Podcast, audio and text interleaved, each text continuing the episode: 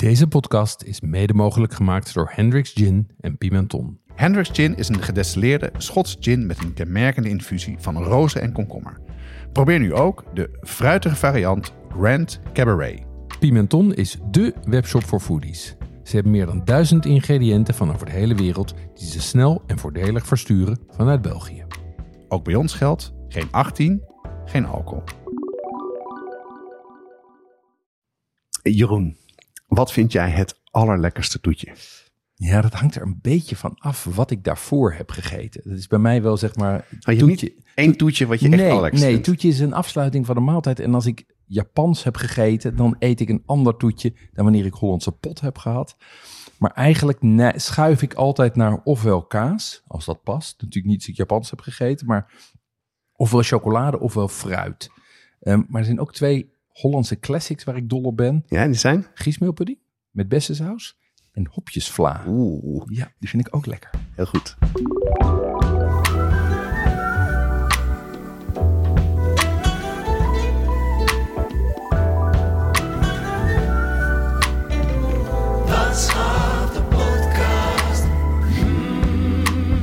Ja, deze aflevering gaat over toetjes. En toetjes met Rutger Bakt, of eigenlijk met Rutger van den Broek, want zo, he- zo heet hij in het echt. Eh, we gaan uitgebreid over toetjes praten, eh, of desserts op zijn Frans. En dat doen we samen met de gast Rutger van den Broek. Hij is bekend eh, als winnaar van Heel Holland Bakt, het eerste seizoen. van zijn site, rutgerbakt.nl en zijn kookboeken. En we gaan met Rutger hebben over toetjes en over zijn laatste kookboek, de Toetjesbijbel. Welkom Rutger. Dankjewel, ja, super gezellig hier. In het supplement vandaag praten we langer door met Rutger. Eh, we vragen tips en tricks om toetjes te maken en we behandelen een aantal recepten. Eh, Jeroen, eh, het is tijd voor een drankje. En ik zie jou daar een soort van met een, ja, een flesje, gelig spul erin. Ja. Wat heb je uitgekozen voor ons? Ja, ik wilde natuurlijk een beetje in de sfeer van de toetjes blijven zitten. Ehm, en we hebben met, ehm, met Kees Holtkamp hebben we alles een zoete witte wijn gehad. Dus ik dacht, ik zoek wat anders. Ehm, en toen kregen we net een uitnodiging voor de lancering van Marigold. En die maakte een advocaat samen met eh, eh, Johnny en Therese Van de Libreien. van de Libreien. Ja. Ehm, en ik heb wel iets met advocaat. Ehm, Ja, ja, het was de eerste fles, die, de eerste alcohol zeg maar die ik tot mij nam. Oh ja. Toen ik, ja, dat kan je nu niet meer voorstellen. Toen ik 12 was, Ah, dat meen je niet. kreeg ik een fles voor mijn verjaardag cadeau. Ja, Is het echt serieus? ja, ja van een familielid. Dat is echt een hele andere tijd. Dat zou nu. niet meer mogen. Dat zou ik. nu zeker niet. Dus mijn kinderen zouden dat onmiddellijk afpakken. Ehm, en ik heb hem nog steeds wel een zwak voor bijvoorbeeld in de Bombardino. Hè, dat, is een, eh, dat is een Italiaanse combinatie van warme advocaat met eh, eh, rum meestal en Ja. slagroom. Op die, de piste. Die ze op de piste serveren. Ja, hebben wij eh, ooit een keer samen. Je zei, kom op Jonas. En we de laatste piste naar beneden. We nemen een bombardino. Ja, top. Heerlijk. dat. Jullie gingen nog goed naar beneden ook. of- Ja. We gingen heel soepel. Dachten we zelf in ieder geval. Dus ik heb hier voor jullie een klein glaasje met een lepeltje. Wauw. Dankjewel. Ehm, ja, en het is een... eh, nou Jonas, vertel maar eens even wat jij ziet. Nou, ik zie een, eh, een, een glas eh, waar het in zit met een lepeltje. Het is een beetje eh, donkerder geel dan je zou denken met advocaat. En waar ik gelijk al heel erg blij van word, zijn gewoon de vanillepitjes die je ziet zitten. Ah ja. Ja. Dat is echt... Ja, dat geeft gelijk al aan dat het een goede smaak is. Ja, Oeh, dit is lekker. hij is wel lekker. Oh, ho, ho, ho. En, en je proeft de rum ook goed, hè? Het, Ja. is, het, is, een, het is een stevige rum. Het is, Hij is wel niet, ehm, boozy, hè? Het valt wel mee. Ah ja? 16,5. Het is niet... eh, eh, ik vind hem boozier smaken dan dat je 16,5 zou geven. Wat vind jij van de smaak? Hij is heel rond van smaak. Heel Ja. smaakvol. Ook een beetje kruidig. Ja. En heel romig. Ja, vooral romig, hè? Ja. En, en dat wrange en, en harde wat een advocaat kan hebben als je hem gewoon bij de supermarkt haalt. Ja. Ik ben zelf niet heel erg een advocaatliefhebber. In elk geval vroeger op verjaardagen waren het altijd tantes met zwarte kip heette dat geloof ik in een glaasje Ja, en een kloddel zwarte slagroom. Maar een aantal jaar geleden eh, heb ik voor het eerst de advocaat van Kees Holtkamp geproefd. Ja. En toen dacht ik, hey, dit kan dus wel lekker zijn. Ja. En hij maakt het dan ook met wodka en met eh, vanille erin en gewoon... Maar dit is ook echt waanzinnig is echt lekker. En ik denk dat, dit op een, oh, dat ik dit op een bolletje ijs ook wel lekker als een toetje zou vinden. Hoor. Nou, gewoon eh, als een toetje. Ja. Gewoon zoals bij het nu. ontbijt. Ja. Er staat een recept in Toetjesbijbel en dat heet ook glaasje advocaat. En dat is eigenlijk een mengsel van mascarpone, slagroom, advocaat en cake. Eigenlijk heel simpel. Hoe? Als je Ah, daar deze voor gebruikt en dan nog wat er overheen sprenkelt, heb je echt super lekker toetje. Ja. Ja. Hoe komen we weer aan, Jeroen? Ja, we hebben, de, we hebben deze gekregen van, ehm, eh, van, van eh, eh, Zoraan. Die, doet, ehm, die, die, die helpt Johnny en Therese met hun PR. En het grappige is, we hebben er twee gehad. We hebben dus de Rumor, die is gemaakt met, ehm, met rum. En die is zeg maar meer van Therese. En dan heb je eh, de andere, de Revenge. Ja? En die is ehm, gemaakt door Johnny. En die is gemaakt met Jenever. Dus daar ben ik ook wel benieuwd naar. Nou ja, maar die staat nog in de koelkast. Ja, die staan nog in de koelkast. En ehm, die, eh, die blijft daar nog even staan tot, eh, tot het weekend. Ja. Het is echt verrassend lekker. Want ik, ben, ik erg ben lekker, het, ja. ken het helemaal niet. eh, ah ja, van af en toe. Ik had laatst in een restaurant als toetje. Met een beetje slagroom erbij. Dat vind ik altijd heerlijk. En eh, we konden er niet bij zijn, jammer genoeg, hè, bij de Nee. lancering. Maar zo, eh, zo eh, proeven we toch een beetje het drankje. ja, ik vond hem lekker. Een goed begin. Nou, ehm, heb je nog leuke dingen culinair meegemaakt, Jeroen, de laatste tijd? Ja, het is, je merkt dat, het, eh, dat de piek van, van de kerst voorbij is en dat het seizoen weer open is met, met activiteit. Ehm, ik was uitgenodigd door Thuisbezorgd. Die presenteren elk jaar een, een rapport over, laat ik zeggen, trends in eten. Dat vind ik altijd wel interessant. En deze keer hadden ze een lunch van Tobias Kamman. En moet zeggen dat ik Tobias Kamman een beetje met argusogen bekeek. Ehm, eh, in, in, laat ik zeggen, hoe uitgesproken die is. Maar hij had die lunch gemaakt en dat was echt best wel goed. Ja? Ja, hij had een, eh, zat bijvoorbeeld een lobster roll bij met rivierkrijft die ik echt heel goed en lekker vond. En, ehm, en toen dacht ik ineens, ja, ik, heb, ik begrijp hem. Ik, eigenlijk is Tobias Kamman de reïncarnatie van Joop Braakhekken. En het is, Hij heel- is gewoon- is het heel raar als ik niet weet wie Tobias Kamman is? Ja, dat is een influencer van de FOMO-show die eh, ook ineens een kookboek heeft uitgebracht. Oh, nu weet ik wie het is, ja. ja. Voer. Ja. En, eh, en hij is heel erg dol op, eh laat ik zeggen, heel chefy koken. Met, begrijp- met krokantjes en, en schuimpjes en trucjes. En, en hij is heel uitgesproken en aanwezig. En dat eh, zette mij op het verkeerde been, want hij kan dus echt wel koken. Dus dat was leuk. leuk. Ja. Ja. Ja. Net zoals je bedoelt met braakhekken. nou, Braakhekken kon natuurlijk niet echt koken. Ja. Maar eh, in ieder geval heeft wel een, eh, heeft, heeft absoluut een lans gebroken voor koken op televisie. Als iemand jou ooit tegenkomt, dan eh, moet hij vragen naar het verhaal vroeger over Joop Braakhekken en jouw cateringervaring. Ja, ja, maar dat gaan we niet hier vertellen. Dat is eh, misschien een keer in het supplement. Dan maak je me wel heel nieuwsgierig. Ja. Ik, ik hoor het straks wel. Als we klaar zijn. en verder, heb je nog iets gemaakt? Ja, verder heb ik ehm, eh, met kerst, heb, daar heb ik je nog niet over verteld, heb ik een omelet Siberienne gemaakt. Oké, cool. Ik vond het wel, ehm, eh, ik, we, hadden, het- we hadden dit jaar voor het eerst een thematisch kerstdiner. Wat En, was het eh, thema? het thema was Harry Potter. Oh, leuk. En dat was vooral omdat er heel veel kinderen bij waren. We dachten, ja, we kunnen wel weer alleen maar voor de grote mensen doen, de kinderen een beetje meeslepen. Maar ik dacht, we zetten die eens centraal. Ja, en zet je de familiefoto ook eh, op Instagram?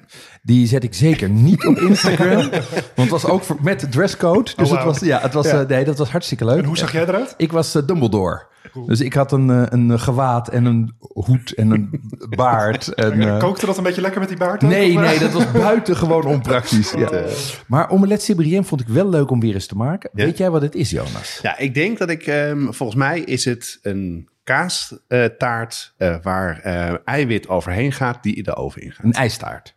Dat, eh, dat gevoel heb ik. Ja, bij. Ik ja. heb altijd het gevoel dat ijs in de oven Ja, met eiwit, wat het dan isoleert, dat dan in de oven ingaat. ja dat klopt. Ehm, en ik heb hem gewoon gemaakt met... Geslaagd? Ja, dat eh, good Ja, enough. je- je minste plakje cake nog. Precies, exact, exact. Dat isoleert nog extra. Ja, exact. Oh, exact. vandaar, ja, Want ja. Zo heb ik het gedaan. Ik heb gewoon, ik heb gewoon eh, ijs uit de winkel genomen en cake uit de winkel. En daarmee zeg maar die, die, die bal bekleed in twee kommen. En vervolgens eh, wel van uh, Holtkamp het recept voor Italiaanse merengue gebruikt. Dat eromheen gespoten en dan in de fik gestoken. Nou, dat ziet er natuurlijk spectaculair uit. Want dan heb je dus zo'n blauw vlammende Dat is mooi, hè? berg. Dus eh, Eigenlijk heb je dan, wat had je, want je hebt ook de omelet Vesuvius. Ja. En dan doen ze nog een halve eierdop bovenop in dat schuim drukken. Daar gaat dan sterke drank in. En die steken ze dan in de fik. damn. Dus dat is dan het verschil tussen de omelet Siberienne en de omelet Vesuvius. Klinkt, ook, klinkt ook beter. Goed, volgend jaar doen we de Omelet Vesuvius. Superleuk. Ehm, dus, eh, maar dat vond ik leuk om te doen. En verder heb ik... ehm, ik, heb, ik heb een boek... We hebben het boek gekregen van Jonneke de Zeeuw. All You Can Eat. Ehm, en eh Jonneke Zeeuw kan je wellicht kennen van, eh, van haar website Mooncake. Ja, en die is heel goed in het vinden en, laat ik zeggen, ehm, presenteren van onbekende, vaak etnische restaurantjes. Ehm, en dit is ook een feest. Dit zijn Ja? iets van ja, 450 recepten door het hele land. Recepten of adressen? Eh, sorry, adressen, klopt. Door het hele land. Met ja, gekke zaken. En mijn zoon is er al eentje gaan testen. Oké, Het, het, Oer, het Oeigoerse restaurant hier in Amsterdam. dat vertelde je. En die was laaiend enthousiast. leuk. Dus, ehm, dus dat, is een, eh, dat, dat, dat is wat mij betreft een eh, gids die ik ter hand neem als ik, eh, als ik zin heb in iets, iets buiten de gebaande paden, zeg maar. Heel leuk. goed. Goeie tip. Hey, Dat en is een jij? hele toffe gids geworden. Ze hebben bij ons vol met stickertjes al ook. Oh ja? Waar we naartoe willen. Ja, ja, Ja. leuk hè? Ja. Ja. En zit er ook bij jullie dingen in de buurt? Eentje zit er in, Oh. een Egyptische zit er in Hilversum. Oké. Maar goed, Amsterdam en Utrecht en alles is om de hoek. Dus Ja. dat, Ja, Komt leuk. helemaal goed. Ja. Nee, het is alweer een tijdje terug natuurlijk. Maar eh, ik wil het nog heel erg over kerst hebben. Daar Ja. heb ik reren gemaakt, eh, gemaakt met een eh, saus Grand Veneur. Naar eh, tip van Ivan Driessen van Rijssel.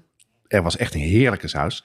Dus ik was in de buurt naar de polier en, en van tevoren reserveren. Ik zeg, en ik keek in zo in, de etalage. Dus ik wou gaan rerug. Hoe groot is dat? Dus ze wees iets aan. Wat waren met z'n zes. Ik, nou, doe daar nou maar twee van. Ja, Nummer twee, twee reeruggen. Dus ik sta in de rij. Eh, op een gegeven moment mijn nummertje gegeven. En, oh, wacht even. Ja, de twee reeruggen. Dus er lopen zo de koeling in. En dan komt hier iemand en die, die heeft twee dingen op zijn schouder liggen. ja. En die denk ik, oh mijn god. Die komt aanlopen, legt het neer. Is, ik, is dat, zijn dat twee reeruggen? Ja, ja, dat had je besteld toch? Zeg ik, ja, maar dat is echt veel te veel voor zes mensen. Dus gelukkig zei die is geen probleem. Het is druk zat. Dus die heeft de zaden eraf gesneden. En die heb ik met kerst bewerkt en eh, eh, ge- gemaakt. En die was echt heerlijk. Maar hoe kwam die vergissing dan, dan tussen het aanwijzen en... Ja, dat weet ik niet. Was, hadden ze gewoon een heel klein bambietje liggen in de Nou, eerste het keer? was, en- volgens mij was het, uitge, eh, was het gewoon een filet. Ja, Dus zonder bot. ja, ja. ja. En ze waren gewoon twee reeën. En die kwamen uit de duinen volgens mij. Of, Oké. eh, dus het was super lekker vlees. Ja, En, eh, Ray is super. dus, dus dat heb ik gedaan. En verder heb ik gaan eindelijk een keer gaan eten in Parlot. Ja, Dat zit in de Westerstraat in, in Amsterdam. En dat is een eh, restaurant waar je vanaf vier uur ook terecht kan, in, eh, in het weekend vooral. En dat is een soort van kruising tussen een wijnbar en, eh, en, en een soort Frans restaurant. Het is heel gezellig. Er zit een bar van tevoren. En daar hebben we dan met een vriend van mij lekkere wijn gedronken en heerlijk gegeten. En dat was zeer aan te raden. En ook niet zo duur. Dat vind ik altijd wel fijn van dat soort restaurants. En ehm, ik heb laatst ook een fish pie gemaakt. Maak je dat wel eens? een, een, een fishpie. Poeh, de laatste keer dat ik het heb gemaakt, die kan ik me niet herinneren. Dus eh, nee. Nee, nee dit, is, dit is- vult ontzettend, maar heel erg lekker. Daar gebruik je gerookte schelvis voor. Ja, En die, eh, die pocheer je in, eh, melk, hè? in melk Ja, ja, en ja. volgens mij wat room. ja. En eh, dan haal je al dat vis eruit. En dan maak je dus eh, met aardappelpuree en heel veel eieren. En dan eh, maak je de aardappelpuree verder aan met dus die, eh, met dus die, eh, die melk. En dan gaat het doorheen. Dat is echt super lekker. En gaat er dan ook een, een pie deeg omheen? Of is dit alleen maar, zeg maar afgedekt met, met puree en dan gegratineerd? Er gaat dat laatste. Ja. Dus ik heb er wat broodkruim overheen gedaan. Die heb ik flink op smaak gebracht. Ik had ook wat tasjepoeder doorheen en wat, wat zout en wat andere kruiden. Dat was ontzettend lekker. En het lekker is dus, het is een beetje rokerig. Het is heel passend, enorm bij de winter. Ja, echt winters, hè? En eh, je maakt natuurlijk altijd te veel. Dus het is ook weer de vriezer gegaan. En laatst weer... dat is echt een top. Dus er was een eh, recept van Rick Stein. ja, En als ik het online kan vinden, zet ik het in de show notes. en zit, gooi de Riek er ook dasje in? Of is dat jouw eigen... Zeker niet. Nee, maar ik dacht, het is lekker om aan- de bovenkant... gewoon het kruim is vaak natuurlijk een beetje brood... en er zit geen smaak in. Ik dacht, het is lekker om dat gewoon flink hoog op smaak te maken. En eh, nou, dat werkt. En een zakje katsuobushi erover. en, dat, heb ik, dat heb ik niet gedaan. Nee, die heb ik bewaard. Alright. Ehm, we gaan het even hebben over... We hebben een nieuwe rubriek. We gaan het hebben over de kookboekrecensies. Ja, heel goed. Ehm, eh, we, hebben, eh, we hebben op de website een aantal recensies staan. Ehm, en daar is nu een, een nieuwe bijgekomen. Dat gaat enigszins onregelmatig. Het heeft te maken met hoe we die, eh, die recensies maken. Daar zal ik zoiets meer over vertellen. En we hebben nu mesklaar erop gezegd van... Oei, ik heb deze naam niet geoefend. Ik sta Bel Vragen. Ja, dat is een, volgens mij een assistent ook van eh Ottelengi. Ja, En eh, het is een erg leuk boek, dat staat er al een tijdje op.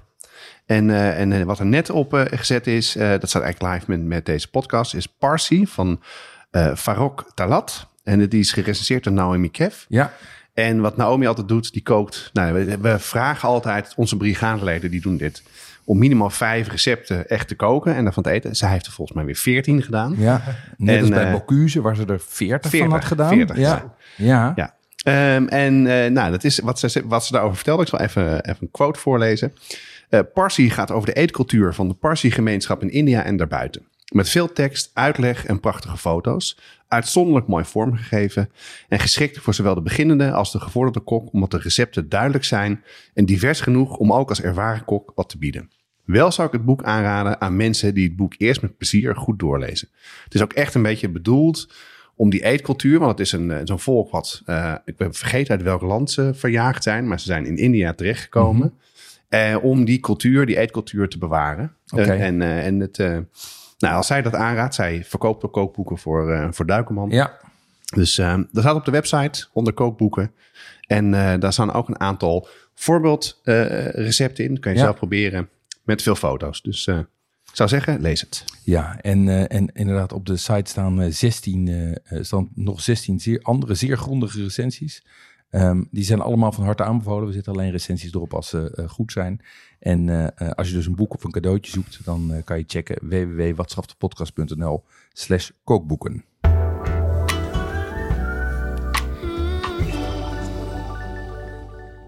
Baktotaal is de webshop voor thuisbakkers. Ook Jeroen en ik bestellen daar onze bakspullen. Ze hebben een eh, snelle, uitgebreide site met veel productinformatie. En achter deze moderne voorkant van Baktotaal zit een club die al meer dan 40 jaar broodbakkers en patissiers belevert. Ja, want oprichter Gerrit Bouwhuis ging begin jaren 80 met zijn busje van het Apeldoorn het hele land door om bakkerijen te voorzien van specialistische ingrediënten en bakgereedschappen. Het is eh, super dat je tegenwoordig als thuisbakker toegang hebt tot dezelfde spullen als professionals en de jarenlange ervaring van een leverancier. Want ik zat online even te kijken. Je kan er ongeveer 15 verschillende reismandjes vinden en maar liefst 221 verschillende soorten bonbonvormen. Je kan er echt uren rondneuzen. Eh, bestellen doe je via www.baktotaal.nl en meestal heb je je bestelling de volgende dag in huis. En onze luisteraars krijgen 10% korting op het hele assortiment met de code Jonasbakt 2024. En die is geldig tot half mei. Dus baktotaal.nl met kortingscode Jonasbakt 2024.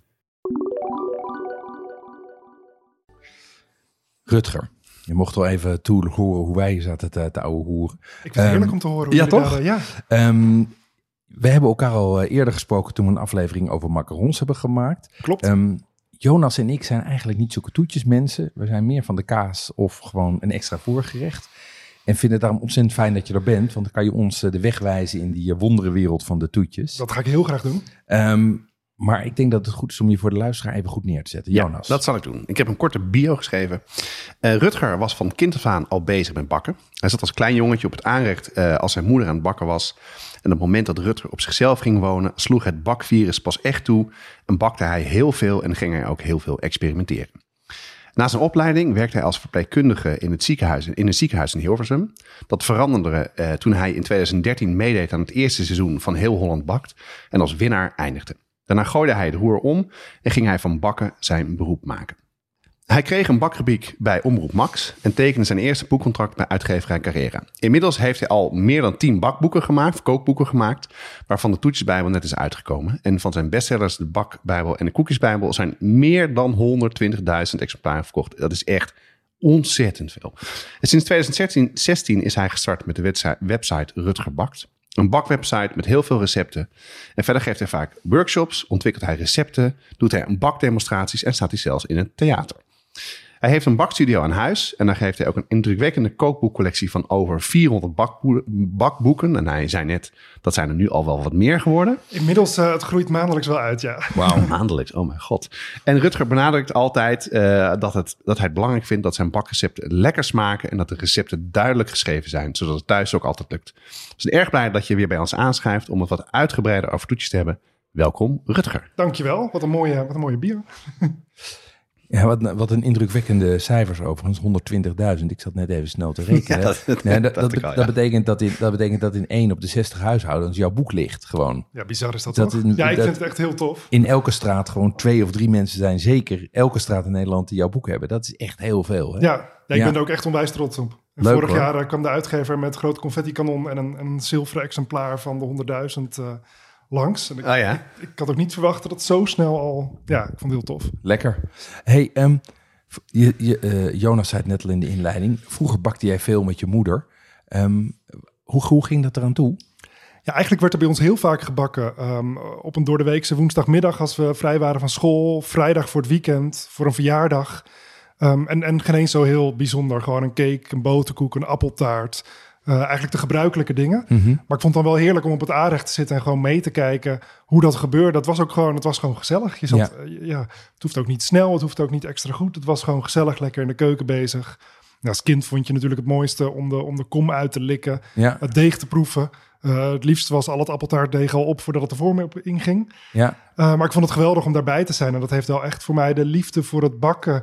En eigenlijk ook de hele gezelligheid die daarbij komt, heeft dat wel heel erg eh, gemaakt. Z- Zijn, zijn er dingen die je echt van haar hebt geleerd, zeg maar, die tijd? Ja, zeker wel. Ik denk eh, geduld was toen de tijd echt wel een ding voor mij. Ja. Eh, ik ben van nature redelijk ongeduldig. Uh-huh. Maar op de een of andere manier kan ik dat met bakken best wel loslaten. Daar moet je af en toe ook echt geduld hebben met Ja. bakken, afkoelen, opstijven, rusten. Ja. En dat heb ik eigenlijk van kinds af aan wel meegekregen dat het belangrijk is. Mhm. Ook wel het nauwkeurige werken. Ehm, want bakken is iets heel anders dan koken. Ja. Dat hoef ik jullie niet te vertellen, denk ik. Maar Nee. ik vind het heerlijk om met grammetjes en milliliters heel precies dingetjes te gaan doen. En temperatuur opmeten van dingen. Ja. Eh, en bij koken is het juist een handje van dit, een scheutje van dat. Kan Ja. wat makkelijker. Eh, en die preciesheid heb ik ook wel van haar meegekregen. Ja, verder vooral eh, het enthousiasme. Ze heeft gewoon het enthousiasme en ook wel het fascinerende dat je gewoon met simpele ingrediënten, boter, eieren, bloem, suiker, Ja. daar kan je koekjes mee maken, daar kan je cake mee maken, daar kan je brood mee maken. En dat vind ik heel tof, dat je gewoon met Ja, het is bijna magisch is dat, Ja. hè? Dat je gewoon met, met, met dingen die er niet uitzien, die gooi je bij elkaar en dan verdwijnt het in de oven en dan komt er wat moois uit. Ja, maar elke keer wat anders. Ja. Cake, koekjes, het is allemaal de verhouding is anders, de bereiding is anders. Ja, En dat vond ik toen al heel leuk. Ja, en jij zei het net al, toen ik helemaal op mezelf ging wonen, ben ik dat steeds meer gaan proberen. YouTube-filmpjes gekeken, steeds meer boeken gekocht. Eh, ja, en ik vind het heerlijk om in een onderwerp te duiken en dan gewoon net zo lang door te gaan tot het perfect is. ja, ja, nou dat herkennen wij wel. Eh, Zijn er ook dingen die jij nog, die je van haar hebt geleerd, die je nog steeds maakt? Een, een moeder op zo'n recept? Ja, het is een beetje een klassieker, maar het is de appeltaart. Die is gewoon, die is gewoon Ja? nooit zo lekker als die... eh, eh, ja, hij is zeker heel lekker nu, Ja. maar hij wordt nooit zo lekker als dat zij hem bakte. Hoe, hoe, hoe, hoe bakte zij hem? Ja, op de hele eenvoudige manier gewoon. Ja? Eh, maar vooral met heel veel, ja, het klinkt een beetje cliché, maar met heel veel liefde en aandacht. En ehm, ja, ik heb heel lang ook nog, toen ik helemaal met het bakken bezig was, als ik iets van de appeltaart ging bakken, dat zij kwam helpen, ging ze gezellig appels schillen. En eh, ja, haar appeltaart was echt het allerlekkerst. Ja. Ze is er helaas niet meer. Eh, en ik bak haar recept nog heel vaak en hij is Ja. heel lekker, maar nooit zo lekker als toen zij Als hem zo zij maakte. En, en maak je dan een... eh, eh, maak je, doe je iets door de appels? Gaan de appels er los in? Of maak je er wel een beslagje of een... eh, Nee, er, Of gaat een- een, een- er gaat eigenlijk een mengsel van een klein beetje suiker, Ja. kaneel vind ik er echt wel Mhm. bij horen. Ik doe er wat custardpoeder door Oké, eh, voor de binding ja, en wat rozijnen. oké. Ehm, en wat ik zelf er later aan toegevoegd heb, eh, dat is eigenlijk een soort van isolatielaagje, noem ik het altijd. Ja. Om die soggy bottom, zoals ze dat mooi in Ja, het Engels de zeggen, te soggy bottom. voorkomen. Ja. Eh, ik vind het zelf heel lekker om wat amandelspijs met een klein beetje ei te verdunnen en dat op de bodem te doen. Maar je kan ook cakekruimels, speculaaskruimels. Eh, mijn moeder deed wel eens wat paneermeel. Ja. Toen dacht ik later, eigenlijk vind ik het zonde om dan paneermeel erin te doen. Want ik doe liever iets in wat lekker is en Wat nog wel meer smaak heeft. Ja, ja. Dus ik doe meestal nu een laagje amandelspijs en verder helemaal op haar manier. ja.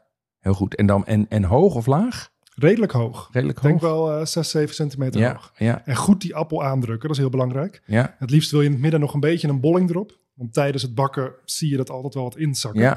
En ik vind dat het zo jammer staan als je zo'n appeltaart met zo'n eh kel in Zo'n ingezakte. En, Ja. en vlechtwerk eroverheen of eh, dicht? Ja. Nee, vlechtwerk. Oh ja. En dan eh, het liefst gewoon gerold. Ja. Eh, met je vingers Niet met, rollen. je, niet met je, met je hebt vast zo'n speciaal rollertje waarmee je zo'n mooi eh, rekwerk- draadwerkje kan ja, trekken. Nee, nee, ik Nee. doe het op de ouderwetse manier gewoon lekker eh, ja, sliertjes rollen. Sliertjes. Ja. Ja. Ja. leuk hoor. Heerlijk.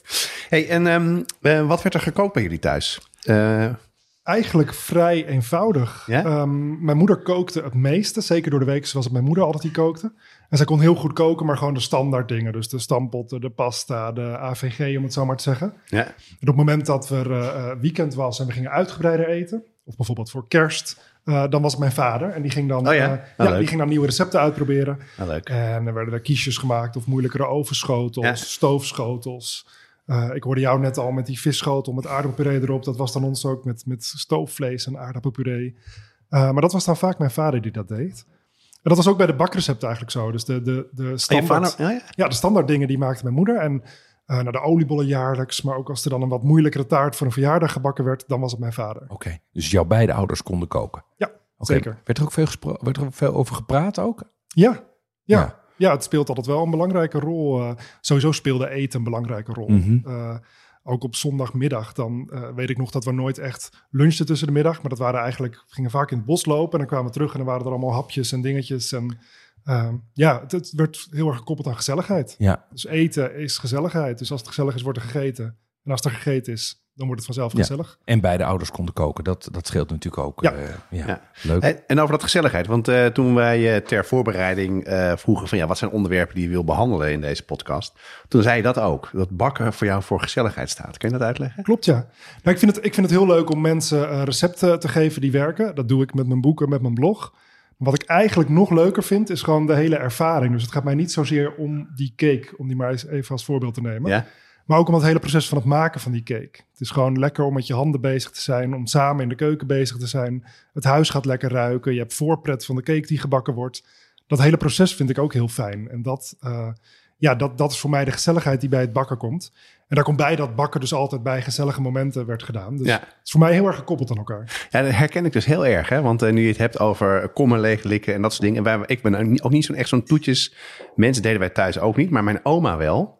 En mijn oma bakte dus inderdaad altijd een cake. Mhm. En vaak als ik erbij was. En dat is ook wat ik me gewoon... Die herinnering is heel erg sterk aan eh, de cake nog even uitlikken. Ja. eh, van uit de kom en dat soort Ja, dingen. ja. Ja, herken maar. Wat grappig is, ik heb, dat, ik heb dat met het gevoel van die magie. Dus dat je gewoon dingen bij elkaar gooit die hele- op zich niet lekker zijn en die samen wat, eh, wat lekkers maken. Ik ben er overigens ook wel eens in doorgestaan. Want wat ik op een gegeven moment de ontdekking vond, was, was, was ehm, bakpoeder. Ja. Want dan de, de- maakte hij dus een klein, beetje, eh, eh, een klein beetje deeg en dan ging je het bakken en dan rees het enorm, werd het veel groter. Dus ik dacht, ja, als dat zo werkt, dan kan ik er ook gewoon zes keer zoveel bakpoeder in doen. Dan heb je zes keer zoveel cake. Heb je een heel plan baksel, kan ik je zeggen. Ja, toen bleek de magie niet te werken. Nee, maar nee. eh, nee, ja, dat is, eh, dat is leuk. Ik moet je zeggen, nu we het er zo over hebben. Ik weet dus ook bij cake bijvoorbeeld, vond ik vroeger... Eigenlijk vond ik als kind cake niet zo heel lekker. Oh, nee? Nee. Maar het hele bakken en, en die kommen uitlikken en alles eromheen vond ik heel leuk. En ik vond het kontje heel lekker altijd. Ja. Maar de cake aan zich, mwah, dat was Maar lekker. een maar goede, een goede cake die, die mooi nat is, is Ja, best dat. moeilijk hoor. Ja. Is best moeilijk. Ja. En die niet gebarsten is en die voldoende smeuigheid Maar dat is een beetje een misverstand, hè, die barst. Want die mag er best wel in zitten. De barst mag. Ja, Ja. zeker. Sterker nog, in Frankrijk doen ze er alles aan om een hele mooie barst te krijgen. Ja. Oh, is dat zo? Dus wat ze daar doen is vaak met een deegkrabber, die dippen ze in de gesmolten boter. En die deegkrabber die doen ze dan in het midden van de vorm, doen ze daar een lijn in drukken. En die gesmolten boter zorgt dat de oppervlaktespanning daar dus minder is, want dat Ja. is die boter. En dan kan die tijdens het rijzen, kan die daar open barsten. Ja, ja. Ja, dus in dat- Frankrijk is het juist de kunst om een perfecte barst te krijgen. Ja, is grappig. Dat herken ik wel van de chique bakkers in, eh, in, in Cannes, waar ik vroeger veel kwam. Daar zag je dan eh, inderdaad een, m- mooi ingebakt in heel mooi eh, bakpapier en zo'n borst eh, overlangs. Ja, dus Nou, het is echt, heel veel mensen vragen, ik wil een cake zonder barsten. Maar dan denk ik, waarom wil je dat? Want het barsten geeft aan dat hij van binnen mooi gerezen is, dat Ja. hij mooi omhoog komt. Ja, En die barst ontstaat doordat de buitenkant al wat steviger is. En dan moet hij ergens naartoe en dan gaat hij omhoog. ja Dus eigenlijk, bij- bij- eigenlijk wat we met brood ook hebben. Dat je een oor wil Ja, hebben aan, ja. je, aan je zuurdeeg. En bij madeleines, die Franse cakejes, die hebben zo'n buikje. Dat is precies Ja. hetzelfde, want die madeleine bak je vrij hoog. En op een gegeven moment is de bovenkant een beetje gestold, maar de binnenkant is nog zacht. En die rijst door dat bakpoeder en door de lucht. En die kan maar één kant omhoog, Ja. naar boven. En dan krijg je zo'n buikje. En hoog bedoel je hoge temperatuur in de oven? Ja, als je hem, eh, stel dat je hem op 160 zou bakken, zo'n Ja. madeleine, dan, dan zult hij gewoon een beetje gaar. Heb je een, een leuk cupcakeje, zeg maar. Ja. Maar als je hem, eh, ik doe hem dan op 220 Oh, dat graden best veel, ja. erin schieten, om, als het ware. Dan bak ik hem vier minuten. En dan gaat hij echt explosief omhoog. En dan zet ik het oven nog iets lager, dat hij nog rustig nagaart.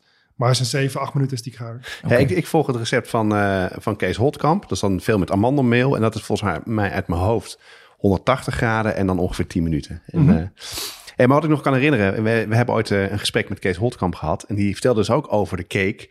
Dat je daar het, de, het blik op moest laten zitten, omdat dan de, de smaak goed erin blijft. Ja, en het vocht. En het vocht. Want wat er Oh, tijdens het ja. afkoelen gebeurt, is Ja. dat er condens uit het baksel, Oh, ja. die komt vrij. En die slaat dan als het ware weer terug op de vorm en dan komt hij weer in de cake. En zeker bij een tulband, als je die stort, wel even kijken dat die goed los zit.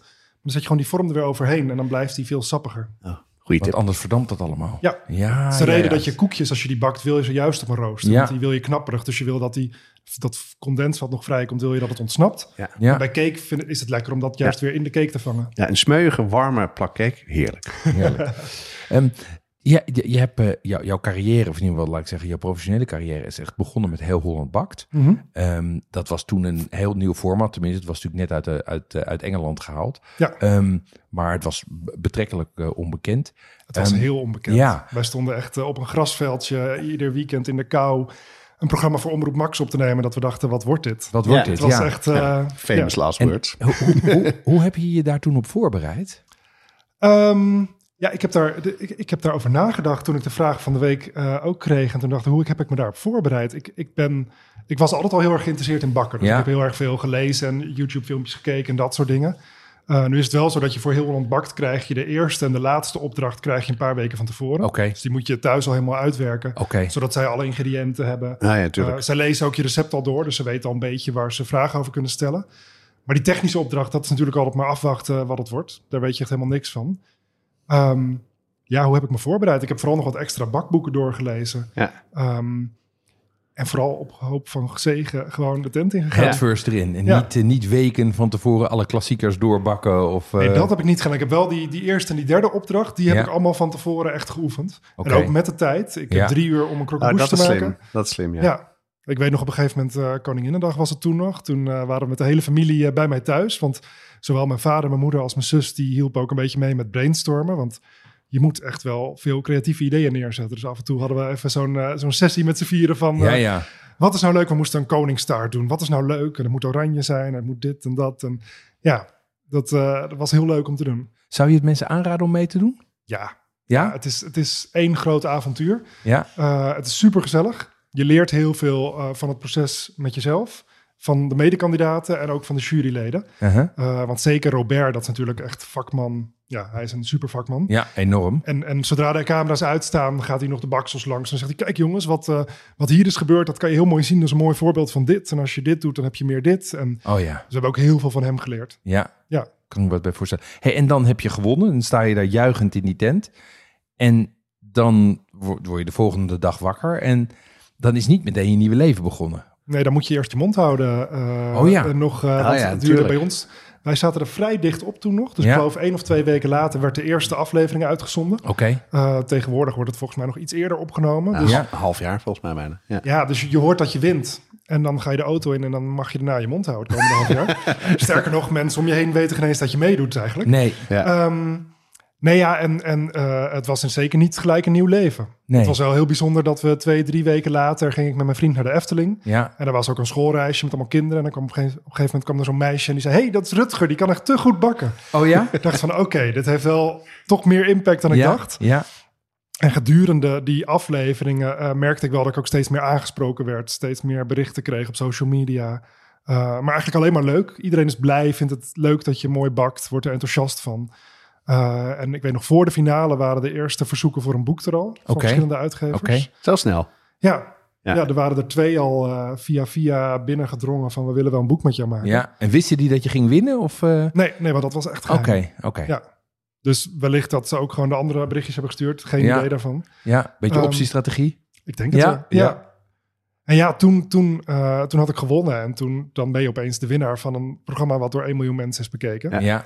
En dat werd toen in de zomer uitgezonden, dus het was relatief klein. Tegenwoordig zijn de kijkcijfers nog veel hoger. Mm -hmm. Maar het heeft wel mijn, mijn, leven op een hele leuke manier veranderd. Ja. Maar je kan er dan nog niet, je hebt dan nog niet een nieuwe baan, zeg maar. Je bent dan nog niet fulltime uh, uh, kok. Nee, maar dus dat, dat was ook helemaal niet mijn intentie. Nee, ik, nee. Heb, uh, ik heb hartstikke leuke studie gedaan, HBO verpleegkunde. Ik werkte op de recovery, de uitslaapkamer. Ja. Hartstikke leuk team met collega's hebben heel veel diensten voor me opgevangen. Want ik moest al die weekenden moest ik steeds oh, ja. opnames doen. Dus als ik dan weer taart meenam, dan was het wel goed.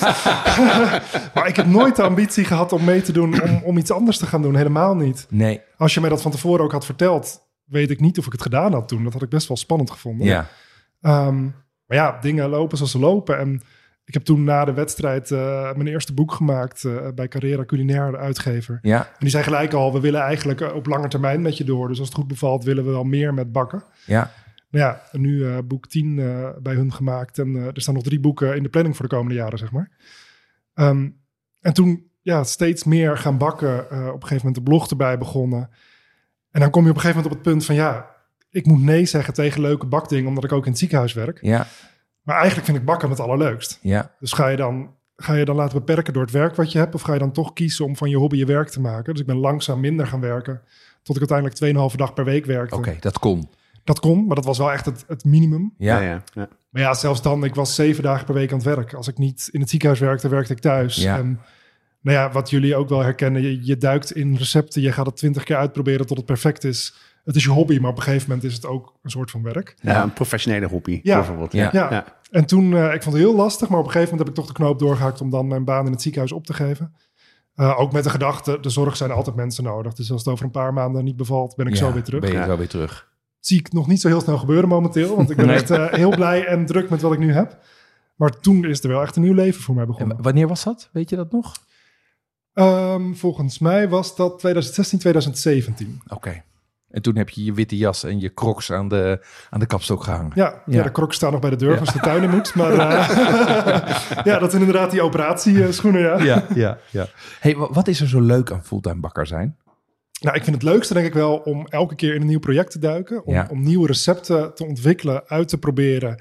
Maar vooral zo te maken dat iedereen ze kan namaken. En daarmee mensen te inspireren en te motiveren. En dan gaat het maar enerzijds om dat, we nemen die cake maar weer als voorbeeld, dat die gewoon heel goed lukt bij jou. Dus dat je een mooie cake hebt met een mooie barst. Die lekker smeuig is en goed lukt. Ja, Maar ook gewoon het hele proces van ja, bakken is voor mij ook echt begonnen als een leuke hobby. Je bent lekker uit je hoofd met je handen bezig. Het is een beetje meditatief, zeker als je lekker aan het kneden bent. En ik vind het heel leuk om dat andere mensen ook te bieden. Uh, maar dan wel met receptuur die klopt. Want als er iets is wat ik vervelend vind, is dat recepten niet kloppen. Dat er niet staat wat voor bakvorm je moet gebruiken. Dat je merkt dat de oven gebaseerd is op een industriële oven die veel sneller bakt. Vind ik altijd een hele grote tegenvaller. Ja. Dus ik wil heel erg als thuisbakker voor andere thuisbakkers recepten bedenken. Ja, het leuke is, mijn, uh, mijn vrouw is ook helemaal van het bakken. Meer dan ik ben. En uh, ze heeft dan uh, twee helden. Kees Holtkamp, want dan kijkt ze altijd eerst alle, alle YouTube-video's van Kees. En daarna gaat ze naar jouw website, want jij bent haar tweede held. Tof. In de zin, ze zegt, maar dat is precies ook wat ze zegt. Het lukt namelijk altijd. Ja, de Kees Holtkamp is ook mijn held hoor. Ik heb zijn boek hier ook, eh, die aan tapejes aan elkaar hangt, uh, meegenomen. Dat is ook onze held hoor. ja, ja. ja. ja dat is echt... Ja.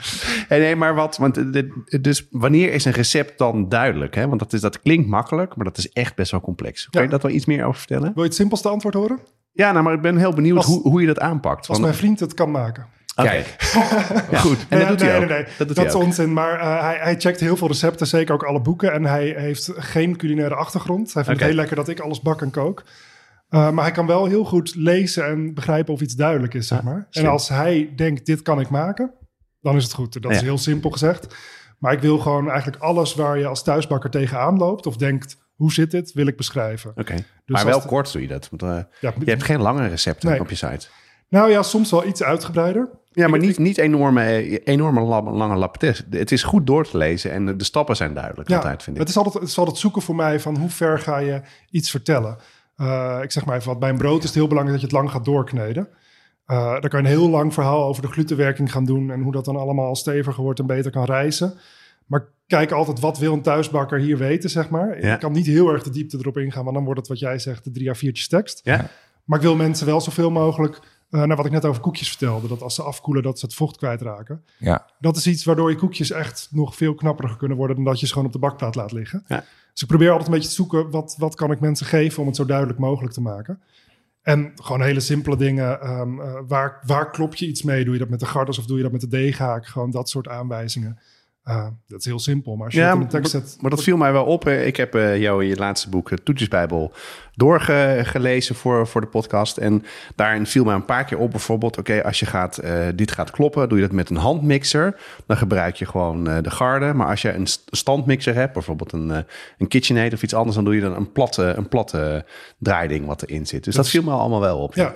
Ja, het is, ja, af en toe doe je het met de standmixer net anders dan met de handmixer ja. inderdaad. Ja. Dat zou je namelijk niet denken. Hey, uh, je hebt ook een website. Daar ben je ongeveer in 2016 mee begonnen. Nou, voordat we met de podcast starten, vertelde je daar wat over. En dat waren indrukwekkende cijfers. Dus je bereid, er zijn veel bezoekers uh, die op de site komen. Ja, ja dat is wel heel tof. Ja, ja en maar dan krijg je daar ook nog dingen voor terug? Krijg je nog leuke reacties of, of, of tips van, men, van, van mensen die de, de, de, de site bezoeken? Ja, gelukkig heel veel reacties van oh, wat lekker en wat lukt het goed en uh, favoriet, zeg maar. Ja? En natuurlijk ook vragen van, van, van dingen die veel vervangvragen wel. Van kan ik dit met dat maken?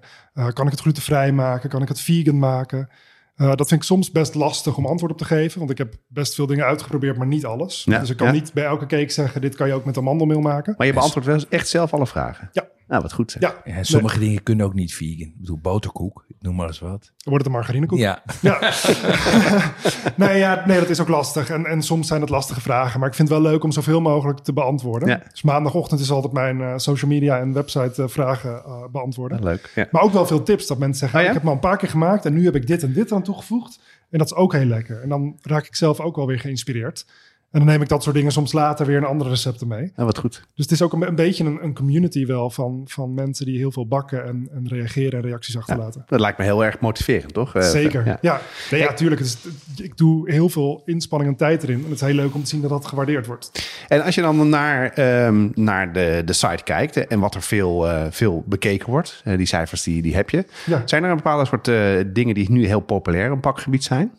Nou ja, wat leuk is, is dat er dus heel veel tijdloze dingen gewoon echt eh, bovenaan de bezoekcijfers staan. Dus Ja. altijd cake, boterkoek, wafels, brownies. Die zijn gewoon altijd, eh, worden ze veel bezocht. Maar ook baksels, en het is wel grappig, want we hebben van de week heb ik met mijn uitgever naar Bakbijbel gekeken, waar we het net over hadden.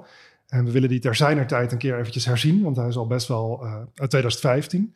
En er zijn dus een paar recepten die nu heel veel gebakken en gezocht worden. En die kenden we gewoon toen nog niet. Wat Bana- zei je? Bananenbrood. Oh ja. 2015, ja, er werd wel eens een bananenbrood gebakken. Red Velvet Cake Ja. is tegenwoordig al zo ingeburgerd. Ken maar ik kan. zelfs ook, ja. Ja. Ja, maar die, eh, die was toen nog niet zo bekend dat ik hem de moeite waard vond voor de bakbijbel. Ja. Zeg maar. Nee. Ehm, en je hebt ook het, eh, het gedeelte wat tussen koken en bakken in zit. Dus dingen als pizzadeeg, vlamkoegen, Ja, ja. kiesjes, die worden ook heel veel Ja. gezocht. Ja, ja, ja. Maar toch wel ja, veel de gebruikelijke, eh, de, de veelgebakken recepten, zandkoekjes. eh, ja, macarons ook. Dat is dan weer een leveltje hoger, maar daar Ja. wordt ook heel veel op gezocht. Ja, daar weet je alles van. Ja. leuk. Een level up, inderdaad. Ja, hartstikke leuk. En, en ehm, eh, in, in de volgende versie van de bakbijbel krijgen we die er dus allemaal bij. Ja, dat is wel de bedoeling. Ja, Leuk. ik vind dat een bakbijbel à la 2023 wordt het dan. Ja. Eh, verder gaat hij echt niet helemaal op de schop hoor. Want ik ben gewoon nog steeds heel trots erop. Maar ik vind dat hij af en toe iets herzien mag worden. Eh, en ja, een paar extra recepten erbij natuurlijk. Ga- gaan er ook dingen uit dan? Of wordt die dikker? Ehm, nou, we hebben even gekeken en we gaan af en toe wat sfeerfoto's misschien vervangen door recepten. Oké. Dus af en toe zie je een pagina, twee pagina's met alleen maar wat hazelnoten. En dan denk ik, nou, dan Ja. gaan we daar lekker een recept plaatsen. Maar ik vind het lekker, hoe meer recepten, hoe beter, voor wat mij betreft. Ja. Ja, en het leuke is dus dat, dat daarmee eh, je, je website ook nog een soort van inspiratiebron is om een soort van goed aan te voelen waar mensen behoefte aan hebben. Dus Zeker, daarmee verrijk je, maak je ook je kookboek natuurlijk weer meteen beter. Dat is leuk. Ja. Het is sowieso leuk. Je ziet wat er op de website veel gezien wordt en veel gezocht wordt. En dat neem ik ook wel weer mee als inspiratie. Slimmer. Je ziet ook op social media, als je iets karamel doet, dan wordt het gelijk, dan is het gelijk goed. Zeg maar. Oh ja? Dat is echt zo'n onderwerp. eh, ja, dat, dat, dat ziet er gewoon al smeuig en likkend uit op de foto. Ja. En ja, dat werkt heel goed. Dus dat is wel Leuk. leuk om te merken dan. Je, je zei net dat je heel graag dat je het leuk vindt om nieuwe dingen te doen en je daarin te verdiepen. Ehm, eh, eerder vertelde je dat, je eh, dat je net terug bent uit Parijs. Mhm. Ehm, het grappige is, dat was, eh, dat was ook waar, eh, waar Kees Holtkamp eh, regelmatig naartoe gaat voor inspiratie. Ik weet het, ja. Wat, wat maakt Parijs zo'n inspirerende omgeving voor, voor, voor, voor bakkers en voor patissiers? Eigenlijk heb je in Parijs op letterlijk elke straathoek kan je inspiratie opdoen. En dat gaat van de tientallen tot honderden jaren oude bakkerijtjes die er zitten met een vast assortiment, Ja. tot de nieuwe hippe Franse patissiers. Overal doe je inspiratie op. En eh, ja, ik kan er echt dagen rondlopen en gewoon dingen proeven, in etalages naar binnen kijken. eh, kookboekenwinkels eh, door. Dus een hele mooie winkel, Librairie Gourmand. Ik weet niet of jullie die kennen Nee? de Franse kookboekenwinkel. Ja, zet mij maar daar middag neer hoor. Dat, eh, ik vermaak me wel. Ja, en dan kom je met twee tassen en de 1200 euro boeken naar buiten. Eh, zo ongeveer wel, ja. Kan je zeggen dat eh terugreis met de Thalys wel een, een bepakt reisje was? was. Ja, ja, ja, leuk. Hey, en is het, ehm, jij zegt nu Parijs. Is dat ook wereldwijd het meest inspirerend? Of zijn er andere plekken waar je ook, waar je ook naartoe gaat voor inspiratie? Ja, ik ben niet zo heel erg van het heel ver reizen. Nee? Eh, ik ben nog nooit Europa uit geweest. Ik heb ook niet heel erg de behoefte eigenlijk om dat te doen. Dus voor mij, als je kijkt naar patisserie eh, en de ik het leukste vind van de patisserie, dan is Parijs en Frankrijk wel echt heel fijn. Ja. Maar het kan zelfs al dichterbij. We zijn laatst een weekend in Antwerpen geweest. Daar heb je ook prachtige bakkers. En eh, ja, Antwerpen wordt ook niet voor niks de koekenstad genoemd. Want er, Nee. er, er wordt heel veel gebakken en gedaan. Dus je kan ook nog dichterbij inspiratie vinden. Maar ja, Parijs heb je op elke hoek heb je inspiratie. En Ja. dit, dit jaar hebben we ook zoveel leuke nieuwe dingen weer gezien. Dat ik dacht van, oh wat tof, wat leuk. Kan, kan je een voorbeeld geven? Wat, heb je, wat, wat zijn de, de highlights van wat je nu in Parijs hebt gezien? En wat me enerzijds opviel is dat er steeds meer eh, winkels komen die zich richten op één product. Ja, Eh, dus je hebt een eclair winkel, maar je hebt ook eh, tegenwoordig Popolini met alleen maar choux, dus kleine soesjes Ja. gevuld. Je hebt een madeleine winkel, die verkoopt allemaal soorten madeleines gevuld met Ah, ja. toppingen, met dingen. Je hebt een merveilleux winkel, dat zijn dan eh schuimige bakjes. Je hebt een winkel met alleen maar pavlovas in alle soorten en maten. Dus je hebt heel veel, Dat ze één onderwerp nemen en daar dan helemaal mee gaan variëren. Ja, mij viel heel erg op ehm, dat er ook veel meer echt hele zuurdezenbakkerijen zijn. Dus eh, je zou verwachten met eh, gewoon de bakkerij die ze hebben. Ja. Dat is al echt eh, goed genoeg. Maar een beetje wat we ook in Amsterdam hebben met Fort 9. En eh, Maar heel veel, heel veel ambachtelijk Frans brood Ja. is ook gewoon deze Hè? Ja, Dat Over het algemeen wel, ja. Ja. Stokbrood, Ja. een goed stokbrood is vaak ook op deze basis wel. En wat ook heel leuk is, ja, daar kan ik, dat vind ik echt geweldig. Je hebt Food de Patisserie. Dat is enerzijds is dat een, een tijdschrift uit Frankrijk, maar het is ook een eh, winkel. Tenminste, toen wij voor het eerst ooit jaren geleden in Parijs waren, was het één winkel. Nu zijn het volgens mij eh, zes of zeven plekken. Mhm. En Food de Patisserie zijn winkeltjes en ook shop-in-shops. En daar verkopen ze het beste van de beste patissiers uit Parijs. Oh, wat slim. Dus daar liggen, ik zeg maar even wat, de eclair van Pierre Hermé en het appeltaartje van Cédric Grolet. En ja, dat kan je hier in Nederland bijna niet bedenken, toch? Dat, Nee. er, dat er in Amsterdam dan een winkel is dan de citroentaart van Holtkamp en Ja. het brood van Fort 9 en de croissants van Niemeyer. En ja, ik- Ja. dat kan je hier niet bedenken en daar is dat gewoon heel normaal. En Ja. Dat, ja, dat vind ik geweldig. Ja, een goed idee trouwens. Ehm, ehm, Ja, we beginnen. Ja, precies. Ehm, eh, het- bij in hele Holland Bak, te, na afloop van heel Holland Bak zei je dat het jouw droom was om een patisseriezaak te openen. Ja. Is dat nog steeds zo? Nee. Nee? nee, is Nee? dat veranderd? Ja, dat is zeker veranderd. Ik heb eigenlijk eh, in die tijd daarna ontdekt ehm, dat ik het veel leuker vind om productie te draaien op de manier waar ik nu doe. Dus Ja. recepten ontwikkelen, bedenken, induiken en andere mensen dat laten bakken. In plaats van productie te draaien Ja. en 80 keer per dag dezelfde taart te bakken. Ja. Ja. Ja, natuurlijk vergelijkbaar een beetje die vraag. Ja, het eh, wordt mij wel eens gesteld van waarom eh, ga je niet in een restaurant werken? Omdat je zo van koken houdt. Nou, Ja. omdat ik het lekker vind om in het weekend eh één keer iets lekkers te koken. Maar niet de hele tijd tot diep in de nacht in de keuken staan. Dat kan me heel goed voorstellen. En dan kan je er heerlijk lekker een vrijdagavond helemaal induiken. Absoluut. En, Ja. ja, Ja. Nee, dus dat... ehm, ja, ik, ik vind het gewoon heel leuk wat ik nu doe. Ja. En, en alles van het ontwikkelen tot ja, bij een boek, de, de dagen dat je met het team, met de fotograaf en de stylist samenwerkt. Dat zijn de leukste dagen. Dan, dan wordt het boek echt één, zeg maar. Dan zie je Ja, het echt tot ja. stand komen. Mijn vader helpt ook altijd mee dan. Dat zijn echt de leukste dagen van zo'n boek. Ja. Ja, dat, dat vind ik veel leuker dan, dan 50 keer dezelfde taart bakken, bij wijze van Ja. spreken. ja, want nu heb je eigenlijk alleen dat leuke stuk. De, res- de research, de ontwikkeling en het uitwerken. En niet vervolgens dat nog eens een keer 500 keer eh, uitvoeren, zeg maar. Ja, Ja, ja daar kan ik wat bij Het is een hele andere manier van productie draaien natuurlijk. Ja. Dit, het is ook niet dat ik stilzit. Ik, eh, ik ben er keihard mee bezig. Ja. Maar op een hele andere manier. Ja, en veel meer variatie. Ja, Hey, als we dan eh, het, het over een toetje gaan hebben, eh, eh, zoals in je kookboek de toetjesbijbel, is de crème brûlée is echt zo'n klassiek Frans toetje. zeker. Eh, ik heb even je recept bekeken. Dat ziet er vrij simpel uit. Maar ik heb ook wel eens crème brûlée gemaakt en dat is echt ontzettend ingewikkeld. Hoe maak jij hem? Leg eerst even uit hoe jij hem maakt. Nou ja, de basis is eigenlijk gewoon voor een crème brûlée slagroom, suiker, eidooiers en vanille. Ja. Dat is eigenlijk de basis. En daarmee maak je de crème. De crème die later gebrand gaat worden met de suiker. Ja. Ehm, ik verhit die room met de suiker en de vanille. Eh, dat die vanille ook goed eh, kan infuseren in die room. Ja? Die meng je dan met de eidooiers. Dan gaat die in ovenschaaltjes, crème brûlée bakjes. En die gaan in de oven en die worden dan au bain-marie gegaard. Ja. En dat au bain-marie dat houdt eigenlijk in dat je ze in een ovenschaal met heet water zet. En dat zorgt ervoor dat die temperatuur van die crème niet te hoog wordt. Ja, ja. Maar op een lage temperatuur. Hè? Het is volgens mij 120 graden. klopt ja. Ja. Ja, want je wil niet dat die keihard gaat bakken, want Ja. dan gaat die schiften en dan krijg je klontjes. Ja. En je wil, een, je wil een gladde crème hebben. Ja, herkenbaar. Want dat is wat er, wat er vaak gebeurt. Dat hij een beetje korrelig eh, en dingen Ja. wordt. Ja. Het is sowieso belangrijk om hem niet op hete lucht te bakken. Want die Oh ja? hete lucht is te agressief voor die bovenkant. Ja? eh, waardoor het te heet wordt. Dus gewoon onder- en bovenwarmte rustig op 120 graden. Eh, uit mijn hoofd gaan ze zo'n drie kwartier uur de oven in. Dan haal je ze daarna uit het waterbad, laat je ze afkoelen. En tijdens dat afkoelen heb je dan een hele mooie crème. Eh, die kan je gewoon één, twee dagen van tevoren maken. En op het moment dat je hem wil serveren, doe je de rietsuiker erover. Ja, de voorkeur heeft toch wel de gasbrander. Dat vind ik het allermooiste werken. Eh, dan krijg je echt zo'n mooi laagje, terwijl de crème daaronder nog wat eh, koud blijft. Beter dan zo'n eh, zo'n ijzer? Zo'n, Nee, dat is ook heel goed inderdaad. ja. Maar dat heeft echt bijna niemand. Nee, dat is voor de echte... Nou ja, we hebben, we, we hebben luister, er zijn luisteraars vriend- ons die dat soort dingen hebben. mij heeft, hè? Ja, Ja, ja. Nou ja, dat geeft echt een heel mooi resultaat. Ja. Het is gewoon heel snel en heel heet. Ja, Je, je moet, je moet niet geen inductiefornuis hebben. Nee. Dat kan ook niet meer. Nou ja, en je hebt natuurlijk ook de methode dat je hem onder de grill nog in de oven zet. Maar Ja. dan merk je dat die hele crème daaronder ook eigenlijk te warm wordt. Maar je, wil, je vindt dus wel dat, dat de crème moet koud zijn. En dan moet dan een beetje een lauw eh, laagje eh, met een flinke krak van, van suiker op Ja, die krak is hoe dan ook belangrijk. Ja. En natuurlijk wordt de, eh, onder die krak wordt de crème ook iets warmer. Ja. Maar hij moet wel nog een klein beetje stevig zijn. Ja, maar dus geen oh, stevig. Ja. Maar niet, en dan ook qua temperatuur belangrijk of vooral de stevigheid? Ja, uiteindelijk, je haalt hem uit de koelkast. En als je hem gebrand hebt en hem al serveert... dan zal die hele crème ongeveer op kamertemperatuur zijn. Ook Ja, ja, die warmte ja. van bovenop. Ja. Eh, veel warmer moet hij zeker niet Ja. zijn. En, en moet je nog ergens op letten eh, met het suiker? Moet je een bepaald soort suiker gebruiken eh, om, om, om een goede laag te krijgen? Want dat is ook nog best ingewikkeld om die te Jij krijgen. bedoelt de gekarameliseerde laag? Ja. Ik vind zelf rietsuiker het mooiste werken. Ja? Dat, dat vind ik het fijnste resultaat. Het kan ook met gewone suiker.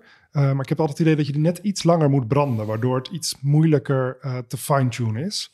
Rietsuiker werkt bij mij altijd het beste. Ja. Vloeit En dan- mooi weg. En dan een Ja. dun laagje of een dik laagje. En wat ik meestal doe als je uit de koelkast haalt, gewoon de rietsuiker erop. Ronddraaien, dat er overal wat zit. En dan Ja. kan je zelfs de overtollige suiker nog eraf Ja. gooien. Dus eigenlijk niet zo heel veel. Nee, want ja. hoe meer suiker je hebt, hoe langer je die branden erop moet zetten. En ook hoe ongelijkmatiger dat laagje wordt. Ja, en dan gaat het ook een beetje verbranden en een Ja. beetje geur en dat soort dingen. Een heel klein beetje, een heel klein beetje. Ja. Het mag altijd wel living on the edge zijn. Je mag wel een beetje donkere karameltinten erin hebben. Ja. Want ik vind dat bittere van die karamel, Ja. in contrast met die zijde zachte crème, dat vind ik juist heel lekker. Ja. Dus dat mag echt wel goed gekarameliseerd zijn. Ja. Hey, en, want het, het is echt moeilijk om, om te maken. Het klinkt redelijk simpel als je het zo uitlegt. Maar als je dan één tip zou mogen geven voor mensen die het thuis proberen waar het steeds niet meer lukt. Wat is echt het geheim om hem goed te krijgen?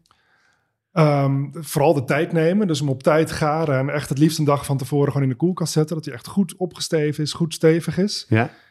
En eigenlijk wat ik net vertelde, dun laagje suiker erop, branden, eh, niet bang zijn om te branden. Ja? Ook niet te ver weg, maar redelijk dicht erop. En zodra die goed karameliseert, ga je met je brander door naar de volgende plek. Ja, ja. ja. En dan eh, met je lepel erin en krakken. Maar dan Ja, vooral en- al, al bij hem... eh, sorry, wat wil je zeggen? Ja, ik vind die tip van, eh, van geen hete lucht vind ik wel een goeie.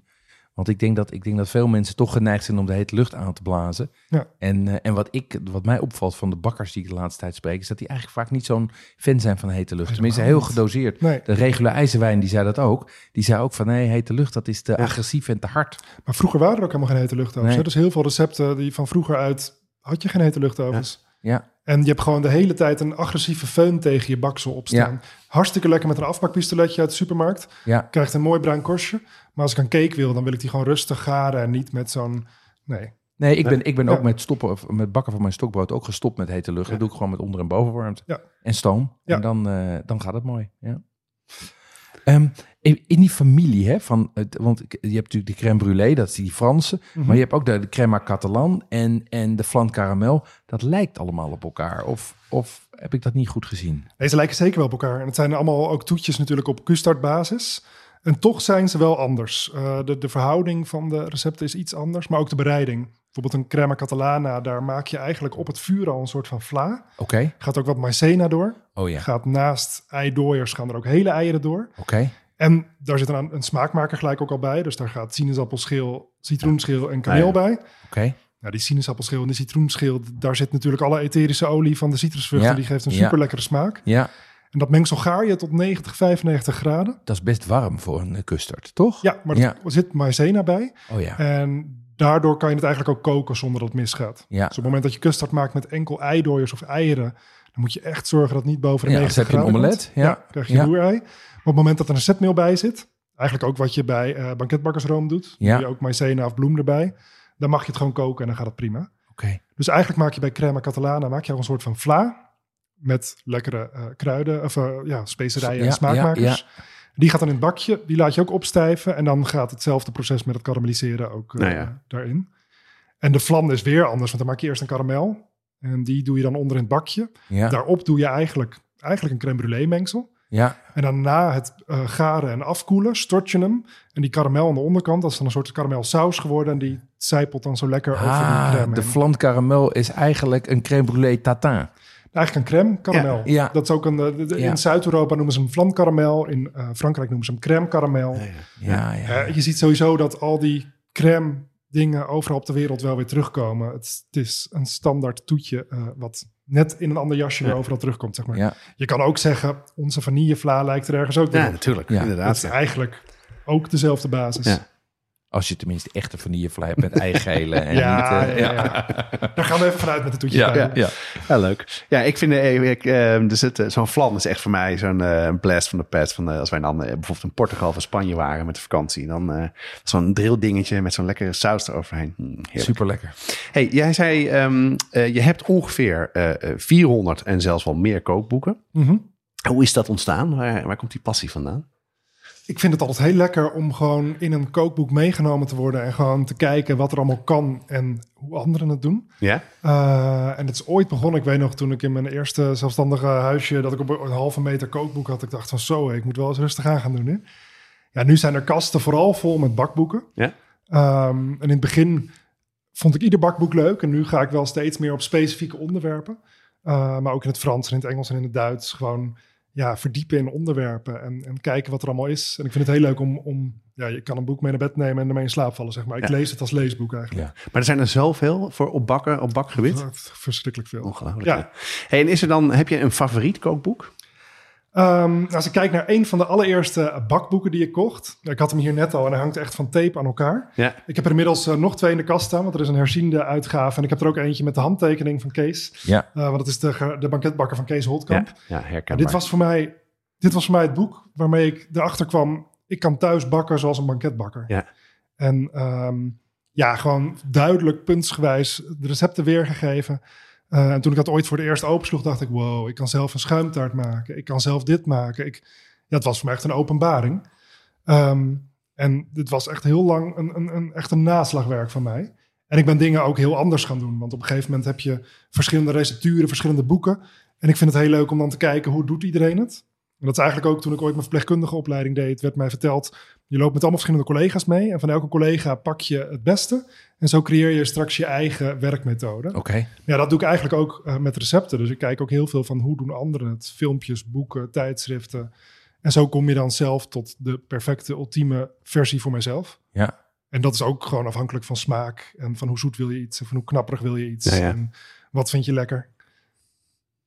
Maar de banketbakker is wel echt, uh, uh, ja, die, die gaat nooit meer uit mijn boekenkast. Oké. Okay. Hey, en je hebt net een nieuw, een nieuw, boek uitgebracht, daar hebben we al een paar keer over gehad, de Toetjesbijbel. Mm -hmm. um, hoe heb je daar je research voor gedaan?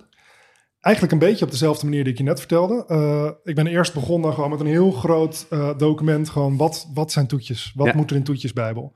Gewoon alles wat ik die maanden tegenkwam of bedacht, gewoon opgeschreven. Zo gaat bij mij meestal de brainstormfase van een boek. Dus gewoon zoveel mogelijk input voor een boek. Ja. En op een gegeven moment ga je dan kijken van... uh, ja, wat valt er dan wel binnen de toetjes? Wat valt er dan niet binnen de toetjes? Uh, er stond ook een concept met een kaasplank hoofdstuk bijvoorbeeld. Uh, heeft het uiteindelijk niet gehaald. Um, maar zo ga je wel kijken van wat, wat gaat er wel in en wat gaat er niet in. En heb je al die recepten heb ik daar staan en dan ga ik het eigenlijk meer rangschikken in onderwerpen in hoofdstukken. En ik vind het vaak wel fijn om ook even met de redactrice daar samen naar te Ja. kijken. Van uh, ja, wat, wat past er mooi in wat voor hoofdstukken. En daar had je, dat was even een puzzel met dit boek, hè? Had ik Zeker ja. ja. want gaan we dat nu als hoofdingrediënt doen? Of gaan we het uit land doen? Of gaan we... Dus het is een beetje een wisseling Ja. geworden uh, van verschillende uh, hoofdstukken. En sommige dingen zouden ook in meerdere hoofdstukken passen. Maar ik ben heel blij hoe het nu gelukt is. Hey, en wat is, wat is gewoon de, eh, wat was het doel van het boek? Wat was de gedachte van de Toetjesbijbel? Wat wil je ermee bereiken? Eigenlijk dat gevoel wat ik voor het eerst had toen ik het boek van Kees Holtkamp had. Ja. Dat mensen gewoon denken, oh, er zijn zoveel toetjes en ik kan ze allemaal zelf maken. Ik kan zelf een lekkere vla maken. Ik kan zelf een pudding maken, een griesmeelpudding met bessensaus. Maar ook de lastigere toetjes, tiramisu, panna cotta, wafels. Gewoon alles wat een stoetje is. En gewoon mensen daarmee inspireren. Nou en ja, gewoon ja. ja, toetjes laten beleven. Ja, leuk. Leuk hoor. Eh, jij zei net de, de, de uh, griesmeelpudding met beste saus. Dat, dat is mijn favoriete, Dat, een eh, van mijn favoriete toetjes. Dat hoorde ik net al, wat, ja. wat, is jouw, eh, wat is jouw favoriete toetje uit het boek? Moet ik echt kiezen? Ja? Oh, dat is echt heel lastig. Ja. Ja, wat, wat ik bij een toetje heel belangrijk vind... en wat bij mij altijd zorgt dat ik door blijf eten van een toetje... is eh, verschil in smaak en contrast. ja. Dus ik vind het heel lekker... zeg maar een simpele appelcrumble vind ik al heerlijk. Want dan heb je Ja. gewoon die warme, smeuige appel. Ja. Dan heb je knapperige kruimels. En Ja. dan doe ik altijd nog een beetje notenmeel door... dat die extra lekker smakelijk is. En dan een bol ijs erbij. En dan heb je gewoon Koud, zacht, sappig, fris, zuur, Ja, knapperig. smelt een beetje door elkaar Kan je heen. mij al Heerlijk. wegdragen. Ja, eens. Ehm, maar er staat bijvoorbeeld ook een aardbeien tiramisu in. En eh, die is dan op basis van slagroom, mascarpone, lange vingers, beetje limoncello erdoor. ja, En dan bovenop gemarineerde aardbeien met een klein beetje balsamico azijn. Oeh, Dat vind ik heel lekker. En dan nog knapperige meringue eroverheen. Dus dan heb je ook het zoete, het zure, het zachte, het knapperige, het fruitige. Oké, Dat vind ik dus... Ja, het zijn twee hele simpele toetjes eigenlijk. Maar ik vind ze echt super lekker. nice. Hoe, hoe maak jij je, eh, je tiramisu? Want er zijn, eh, er zijn natuurlijk in, in tiramisu verschillende wendingen. En de originele tiramisu heeft wat mij betreft geen slagroom in. Ja, eens, eens. Ik moet je zeggen dat ik bij variaties, zoals de aardbeien tiramisu die ik net noemde... en ook eentje met witte chocolade en framboos, gaat er wel slagroom door bij mij. ja, ja, Ehm, maar ik begin eigenlijk met het opkloppen van de eidooiers. Met Ja. de helft van de suiker. Dat mag echt super luchtig geklopt worden. Ja. Dus doe je met een, of met een handmixer met gardes of de standmixer met Ja. één garde. En echt neem de tijd om dat romig te kloppen. Dat die suiker helemaal opgelost is. Dan klop je daar de mascarpone door. ja. Het is lekker Die- als je maakt hem niet warm. Je maakt geen zabaglione, zeg maar. Nee, Oké. kan, maar ik, dit werkt ook Ja, prima, ja. zeg maar. Ja, Zorg er wel voor dat die mascarpone op kamertemperatuur is. Want als die Oh ja, te koud is, te hard. dan kan je hem niet lekker mengen en niet luchtig nee, krijgen. nee, ik krijg je klontjes. Ja. En dan eh, met de andere helft van de suiker eh, doe ik de drie eiwitten opkloppen. Ja, Dus ik gebruik altijd één eidooier meer. Dus vier eidooiers, drie eiwitten. ja, En dan de eiwitten met een snuf zout en de rest van de suiker in een mixer met natuurlijk schone kom, schone gardes. ja, Helemaal opkloppen dat die echt helemaal luchtig is. En die vouw ik dan door dat mascarpone eidooier mengsel. Ehm, en dan heb ik een mengsel van eh, espresso natuurlijk. ja. Ehm, ik vind het zelf heel lekker om amandellikeur te gebruiken. Ja. Maar je kan ook marsala, cognac, rum. Ja, wat je maar lekker vindt Ja, natuurlijk. ja, Daar doop je die lange vingers in. En dan is het gewoon opbouwen. Laag je lange vingers in dat koffiemengsel gedrenkt. En dan de eerste helft van het mascarpone mengsel. Daar weer de lange vingers op. En daar weer de rest van de mascarpone. En helemaal vol laten zuigen met die eh, koffie? Of alleen even er doorheen eh, halen? Redelijk vol. Ik denk wel, nou, wat, meestal 4, 5, 6 seconden erin, zeg maar. Ja, Eh, je moet ze nog wel op kunnen pakken. ja, niet dat ze uit elkaar vallen. Nee, als je ze echt een halve minuut erin laat liggen, zeker als je ze zelf bakt, dan zijn ze zo doordrenkt dat je ze niet meer op kan pakken. Eh, en dat is ook niet lekker. Hey, eh, ik zie al de hele tijd naar een bakje te kijken. Ehm, je hebt iets voor ons meegenomen. Ja, ik dacht, ik kan natuurlijk niet aankomen met lege handen hier. Ja. En wat ik heel leuk vind aan Toetjesbijbel is dat er heel veel losse elementen in staan. Eh, heel veel suggesties en variaties waarmee je eindeloos zelf recepten kan maken. Ja. Er staan sowieso 300 recepten in, maar met heel veel kan je ook combineren. Dus er staat bijvoorbeeld een panna cotta recept in. Ja. Maar dat panna cotta recept kan je maken eh, gewoon met vanille en slagroom. Ja. Je kan de yoghurt doorheen doen, je kan de witte chocolade doorheen doen, je kan er karnemelk doorheen doen. Eh dan kan je erop kan je een sausje doen. Maar dan kan je frambozensaus nemen, bramensaus, aardbeiensaus, mango passievruchtsaus. Ja. Je kan voor de warme kleuren gaan, voor chocolade of karamel. En voor dat contrast wat ik zo lekker vind, kan je er dan knapperige kruimels op doen. Ja. En die kan je heel makkelijk zelf bakken. Dan kan ik ook kiezen, ga ik voor pistache, voor hazelnoot, voor havermout, speculaas, kokos. Nou, die kan allemaal kanten op. Dus ik heb nu eh, witte chocolade panna cotta gemaakt. Nou, het proberen? Ja? Dat is echt het, het makkelijkste recept zo ongeveer wat er is. Want je, er gaat geen suiker in, want die chocola is zelf zoet genoeg. Ja. Dus is slagroom aan de kook brengen. Los je een klein beetje gelatine in op. Die giet je op de witte chocolade. En dan is het goed om hem met een staafmixer nog even goed te emulgeren. Die mooi glad wordt. Ja. Die laat je opstijven. Dan heb ik een saus gewoon van frambozen. En de grap is, het is nu januari, dus... Wacht even, ik ga hem nog afmaken. Oh, sorry. Dus, De eh, grap is, eh eh, frambozen zijn nu helemaal niet in het seizoen. Maar eigenlijk de lekkerste frambozensaus, die maak je meestal met diepvriesframbozen. Oké. Die diepvriesframbozen worden gewoon op het moment dat ze rijp zijn, worden ze ingevroren. En die zijn vaak lekkerder dan Ja. de, de waterige frambozen in Ja, de supermarkt. ja. Ehm, en ik maak de vruchtensaus eigenlijk op basis van geleisuiker, waar je normaal jam mee maakt. Uh, maar je doet nu minder geleisuiker erin dan wat je bij jam zou doen. Dus op 250 gram frambozen. Ja, want het doe is wel, dan- wel een wat, wat dikkere consistentie qua, Ja. qua saus, zie ik. Ja. Het is iets dikker dan een coulis. Nou, Rutger is, de, terwijl hij aan het vertellen is, eh, heeft hij uit een doosje haalt hij eh, een paar, eh, paar glaasjes waar dan een, een witte panna cotta in zit. Eh, heeft hij uit een ander flesje een, een prachtige dieprode saus. En dan gaat nu iets van een crumble overheen. Ja, dit is dan de pistache crumble. Die vind ik zelf erg lekker hierbij. Oeh, goed idee zeg. En het is eigenlijk gelijke delen eh pistachemeel, dus gewoon gemalen pistachenoten, bloem, boter, suiker en een snufje zout. Dat doe je tot een kruimelig geheel. En dan in de oven nog? Of gewoon... eh, Nee, wel in de oven natuurlijk. ja, ja, ja. En dan eh, bakken en een kwartiertje later heb je deze kruimels. En ja, ik vind zelf dat contrast tussen het romige, het zoete... en dan het, het wat wrangere, die, die, die fruitsaus... en dan het knapperige Oh. eh, van die kruimels. En vooral ook een snuf zout in die kruimels. Dat je echt wel nog Ja, ja. een beetje... Dat, ja, dat haalt alles op. Wat meer, meer smaak geven dan, hè? Het smaakversterker natuurlijk. Ja, Hey, en en wat in het, in het boek staat ook, eh, want je zei net, je kan dit eh, eindeloos afwisselen. Je gaf heel veel voorbeelden. Mhm. Eh, maar dat staat ook in het boek. Hè? In het boek heb je ook een aantal hoofdstukken waarin dus die sausen zelf worden uitgelegd. Dat je dus in principe gewoon niet per se hoeft te bladeren in recepten om ze te vinden. Maar gewoon even dan daarna kan kijken. Nou, Ja, en het leuke van deze is dan weer, ik heb dit in glaasjes gedaan. En dit is gewoon, je ziet dat je kan het perfect meenemen ergens naartoe. En ik vind het heel fijn dat je een toetje kan voorbereiden voordat er eters komen. Dat je het gewoon neerzet. En, Super lekker. ik zie blije gezichten, dus dat Ja. is mooi. Ja, ik hou eh, helemaal niet van witte chocola. Oh nee? Nee, ik vind dat vaak te zoet en te romig. Maar hierin werkt het. En ik denk dat het werkt. Omdat je die, die rinsheid van de, van de framboos erbij Ja. hebt. Dat krokante en aromatische van die crumble. En dat er geen suiker doorheen zit. Dat die niet zeg maar zoet op zoet is. Ja, Dus ehm, dit is de eerste keer dat ik witte chocola... en Nou. dat, dat ik denk van dit is niet goor. dat is heel tof om te horen. nou, ik vind witte chocola... Ah man, nou ja. Nee, maar dat is dus eh, die, die saus is zo lekker. Want die is helemaal niet zo. Ja, hij is natuurlijk een beetje zoet, maar hij is vooral heel fris, heel Ja. zuur. Wat echt het makkelijkste, 250 gram frambozen, sap van een kwart halve citroen en 100 gram Ja, en gewoon uit bij de supermarkt, uit de, uit de diepvries. Ja. eh, Ja. ja. Ja, En dan wat ik wel zelf heel lekker vind, is na het koken, 1, 2 minuutjes koken en dan even door een zeef wrijven, dat al Oh die ja. pitjes achterblijven. ja. En dan, ja, meer is het niet. En dit kan je met al het fruit doen. Je kan ook gewoon diepvries zomerfruitpakje nemen. eh ja. Bramen, frambozen, passievrucht, mango. Ja, het, gra- het grappige is, ik, ik maak mijn, eh, ik maak, wij, wij eten hier thuis de enige jam die we eten is frambozenjam. Die maakt precies hetzelfde. Ja. Gewoon met een zak diepvries frambozen. En eh, zeggen mensen, moet je niet vers in de zomer? Nee, helemaal niet. Nee, dit is beter en goedkoper. Ik bedoel, ja. En vaak ook nog beter qua verspilling. Want Ja. in de supermarkt worden heel veel frambozen die niet meer kunnen weggegooid. En diepvries wordt gewoon op zijn rijpst, wordt ingevroren. ja, Je hebt gewoon altijd goede kwaliteit. Het is echt een topaflevering. Een lekker drankje van eh, ehm, advocaatje en dit heerlijk. hey, eh, ik wil nog één, ehm, één recept met je, met je doornemen voordat we gaan afsluiten. Ehm, ik kwam ook in je boek, toen ik aan het doorbladeren was, kwam ik de Schwarzwalder kierstorten in een glaasje tegen. En dat lijkt me gewoon, een Schwarzwalder taart is best complex. Dit zag er simpel uit. Is dat echt, eh, als ik, heb ik het goed dat het een voorbeeld is van een simpel, maar heel lekker gerecht wat je makkelijk op tafel zet? Ja, zeker wel. Het is, je kan hem nog zo moeilijk maken als je wil. Je kan ervoor kiezen om zelf de chocoladecake te bakken. Je kan ook zeggen, ik neem gewoon een goede chocoladecake die ik gekocht heb. Ja. Maar eigenlijk eh, is het niks meer dan eh, slagroom met pure chocolade eh, verwarmen en mengen. Dat laat je dan afkoelen en dan kan je het daarna opkloppen. En dan heb je eigenlijk een hele simpele... Je mag het geen chocolademousse noemen, maar het is gewoon een soort chocoladeslagroom. Ehm dan gebruik ik luchtige ganache eigenlijk is het, hè? Ja. ja. ja, zoals in Frankrijk zeggen, een ganache monté, die opgeklopt is Ja. eigenlijk. Ehm, en eigenlijk, ja, voor een zwartvalde kiers vind ik gewoon... Ik ben heel erg fan van verse kersen, maar in zo'n taart horen kersen uit een pot eigenlijk wel.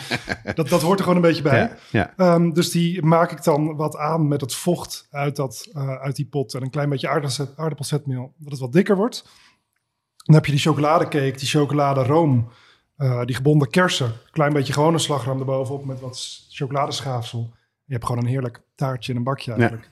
Ja, het ziet er, de foto in het kookboek ziet er echt fantastisch uit. Dat, dat kan ik echt zo zien van iets wat je neerzet bij, bij een lekker diner. Ja. Ja. en dit is dus ook heel leuk als je van die kleine wekpotjes hebt. Maak Oh ja. je ze in wekpotjes, ga je picknicken of barbecuen of weet ik het wat. Neem een lading van die potjes mee en je hebt gewoon een toetje. Wat een goed idee zeg. Nice. Misschien nog een drupje kiersje door die eh, chocoladecake. Ja, ja, ja. Ja, er zit sowieso kiersch ook door het kersenmengsel, erbij. hoor. Oh ja? Dat, ja, dat moet Oké. natuurlijk wel. Ja, precies, ja. je kan hem weglaten, maar hij hoort er wel door. Een glaasje champagne. Ik ga, weer, ik ga weer toetjes maken, jongens. Ik ben helemaal geïnspireerd. Ja, leuk. Eh, we hadden het eerder over dat je ook theater doet. Eh, Ja. Je maakt eh, volgens mij maak je een kinderbakshow. Ehm, kan je kort vertellen wat dat is? Jazeker, ja, de, de verrukkelijke kinderbakshow is het. En het is eigenlijk ontstaan nadat ik een aantal jaar geleden met Mark Haayema een kinderbakboek heb gemaakt. Ja. Uh, Mark is schrijver van kinderboeken, maar ook theatermaker en popperspeler. Um, maar op een gegeven moment kwam het idee, we willen eigenlijk iets doen om kinderen nog meer enthousiast te maken voor bakken. Hebben we samen een voorstelling gemaakt, gebakken, uh, die hij vooral uh, bedacht heeft, geschreven. En het is niet zo dat ik alleen maar sta te bakken natuurlijk, maar het is wel echt een decor met een keuken. Er wordt echt gebakken, maar het zijn vooral ook liedjes, poppenspel, uh, interactief met wat quizdingetjes. Het is gewoon een, een bakshow die om bakken draait. Leuk. Um, en die viel de eerste keer helaas in de coronaperiode. Dus de helft van de voorstellingen kon toen oh, niet ja, doorgaan. Natuurlijk, ja. Uh, maar we gaan eind 2023, dus december van dit jaar... en dan uh, januari, februari van volgend jaar... gaan we tot nu toe al 30 theaters langs. Oh, wat goed. Um, en gewoon weer heel veel kinderen enthousiast maken Ja. voor de bakken. En ja, het is gewoon ik had nooit gedacht dat ik het zo leuk zou vinden. Ja. En, en als mensen dat eh, leuk vinden om met hun kinderen te doen, waar vinden ze dan de informatie? Op de grotehaai.nl. En haai is in dit geval met een Y. Oké, We nou, kunnen wel een leuk. linkje naar de speellijst eh, in de show notes Ja, zetten. gaan we Ja, ik weet niet of die er nu al staat, maar die komt er zeker eh, binnenkort aan. Leuk. En anders hou mij gewoon op, in de gaten op social. Daar zal ik het ook zeker delen. Voor welke leeftijd is dit? Het is vanaf zes jaar. Vijf jaar kan ook. Ja, en eigenlijk tot eh 100. Oké, Het is voor iedereen leuk. klinkt hartstikke leuk. Ja, leuk als, eh, als opa en oma en de kleinkinderen Ja. iets leuks te doen met de kerstvakantie. Het is gewoon heel leuk dat er, dat er dan ook ouders en opa's en oma's na de voorstelling naar je toe komen en dan zeggen van, nou ik heb mijn kind echt een uur lang op het puntje van de stoel zien zitten. En dat Ja, je denkt van, eigenlijk kijk je een uur lang naar twee jongens die een koekje aan het bakken zijn. Ja. Maar toch, ja, het spreekt heel erg aan. Het, het, het klinkt ontzettend leuk en, en bewonderenswaardig om te zien hoe breed jij bent ook in, eh, in wat je doet. Ehm, je zei net al eh, dat je naar Parijs gaat voor inspiratie. En dat je meneer Holtkamp, eh, dat hij een grote bron van inspiratie voor je is. Is er nog iemand waar jij graag stage zou willen lopen? Vind ik een hele lastige vraag eigenlijk. Er is niet, er is niet één persoon dat ik denk van daar wil ik per se nog bij. Maar ik, ik weet dat ik gewoon nog heel veel gebieden dieper in wil duiken. Dus ik wil meer met financiering doen. Ik wil meer met confiserie doen. Gewoon ook uit in persoonlijke interesse. Ja, Uh, en er zijn gewoon heel veel goede mensen op die gebieden. En ik vind het leuk om van verschillende mensen dingen mee te krijgen. Ehm, elke keer als ik bij Robert ben, kijk ik ook mijn ogen uit en geniet ik weer van wat er allemaal gebeurt. Dus ik- zou niet één naam weten. je hebt van- niet één eh, Parijse patissier waarvan je zegt, als ik daar nou toch eens... eh, Ja, weet je, kijk, je hebt bijvoorbeeld in Parijs heb je Cédric Grolet, een Ja. hele bekende. ja, Ehm, tuurlijk lijkt het mij mooi om daar een keer mee mee te lopen. Aan de andere kant, ehm, hij maakt bijvoorbeeld hij maakt prachtige dingen. Ja. hij maakt dat gebak wat op echt fruit lijkt, wat je dan doorbreekt en wat helemaal maar je, hebt volgens mij, ik heb, ik heb wel filmpjes volgens mij op TikTok of op YouTube gezien waarin dat appels maakt die eruit Ja. ziet als gewone appels. Ja, En, prachtig om een keer te zien hoe dat ja. is. Maar aan de andere kant, in alle eerlijkheid, we hebben het in Parijs geproefd dan dit jaar. We hadden vier van die gebakjes gekocht. Ziet er super mooi uit. Heel mooi is vormgegeven. Maar is het nou het lekkerste wat ik ooit geproefd heb? eh, nee, nee. Nee. En dan denk ik, en dan ga je bij een, bij een bakker om de hoek en daar koop je dan de perfecte gevulde croissant bijvoorbeeld. En denk je, ja, dus ja, het lijkt me heel tof om mee te lopen, maar het is niet de heilige graal of zo. Nee, het is niet nee. het, het, het, het hoogst haalbare voor mij. Nou, mooi. Nou, daarmee zijn we, zit het erop voor het, voor de open gedeelte. Rutger, ontzettend bedankt. ik vind het Eh, heel gezellig. Leuk dat je er was. Leuk dat je wat lekkers hebt meegenomen. Eh, we hebben een aantal recepten behandeld. eh, en die zullen we in de show notes zetten. We, eh, we mogen een aantal van de recepten uit het kookboek eh, halen. Nou, wij kunnen eh, het kookboek Toetjesbijbel enorm aanraden. Mocht je het willen kopen, op de website staat ook een link eh, om te doen. Dus En volgens mij hebben we ook eh, nog eh exemplaren om weg te geven, Jonas. zeker. Ehm, we hebben hier eh, exemplaren om weg te geven. En ik denk dat we die deze keer gaan verloten onder de abonnees van de nieuwsbrief. Wat vind je Ja, daarvan? laten we dat doen. Ja, heel goed. Dus als je lid bent van de nieuwsbrief, dan komt daar een linkje in. En als je daarop klikt, dan kan je meedoen aan de verloting. Dan kan je kans maken op een van deze fantastische toetjesbijbels. Voor de luisteraars van de Gratis podcast zit het erop voor deze aflevering. Voor de brigade gaan we nog even door in het supplement. In het supplement praten we verder met Rutger eh, van den Broek en hebben een aantal vragen van leden van de brigade, onze vaste luisteraars. Mocht je ook lid willen worden van de brigade, ga dan naar petjeaf.com slash watschafdepodcast en meld je aan. Deze podcast wordt gemaakt door Jeroen Doucet en Jonas Nouwen. Speciale dank aan Rutger van den Broek voor alle tips en recepten. Het team bestaat verder uit Corianne Straathof, Annie Tazelaar, Paul Veldkamp, Cato van Paddenburg en Jesse Burkunk. De muziek is gecomponeerd door Nico Brandsen en Ton Dijkman en uitgevoerd door Mel en Vintage Future. Tot de volgende keer. Tot de volgende keer. Watschaf de podcast.